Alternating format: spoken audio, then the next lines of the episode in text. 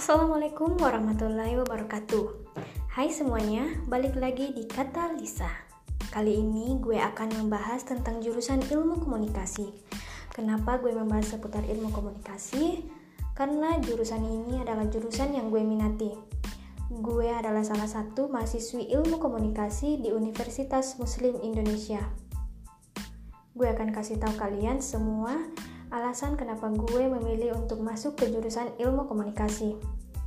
Jadi gue memilih masuk ke jurusan ilmu komunikasi karena gue dari dulu bercita-cita untuk kerja di dunia pertelevisian. Terlebih lagi, di ilmu komunikasi Universitas Muslim Indonesia udah ada konsentrasi penyiarannya, jadi makin mendukung kemauan gue. Selain konsentrasi penyiaran, di sini juga terdapat konsentrasi public relations atau humas, ada juga konsentrasi jurnalistik, dan yang terakhir ada manajemen komunikasi. Nah, di ilmu komunikasi, lo nggak hanya belajar secara teori gimana cara menyampaikan pesan dengan baik dan benar, tapi lo juga bakalan belajar secara praktek, mulai dari menyampaikan pesan secara langsung di depan publik, maupun menyampaikan pesan melalui desain, fotografi, videografi, bahkan sampai pembuatan film loh. Jadi tidak hanya mengasah kemampuan ingatan kita, tetapi juga untuk mengasah kemampuan seni dan kreativitas kita di dalam sini. Dengan masuk di ilmu komunikasi, lo gak perlu takut dengan prospek kerja lulusan ini.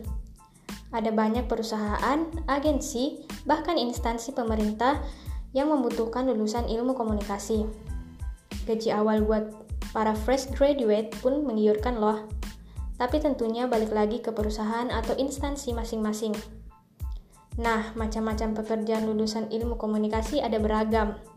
Kalian bisa menjadi humas dalam suatu perusahaan, membuat atau mendesain iklan, menjadi penulis berita, marketing, menjadi presenter di salah satu stasiun TV, menjadi pembawa acara di salah satu acara, menjadi bagian dari pembuatan film seperti produser dan sutradara, menjadi copywriter, analis, juru bicara, voice over bahkan seperti uh, fotografer atau videografer, juga youtuber dan masih banyak lainnya yang gak kalah menarik.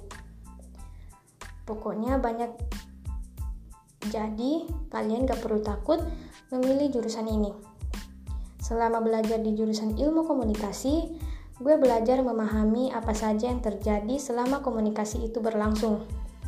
Gue juga belajar teknik-teknik fotografi, videografi, desain, editor, perfilman, mengolah vokal, bahkan belajar tentang perpolitikan secara mendalam yang di mana keempat hal tersebut adalah hal yang baru bagi gue dan menjadi tantangan tersendiri namun terasa asyik dan menyenangkan. Jadi buat kalian yang masih bingung memilih jurusan, tunggu apa lagi?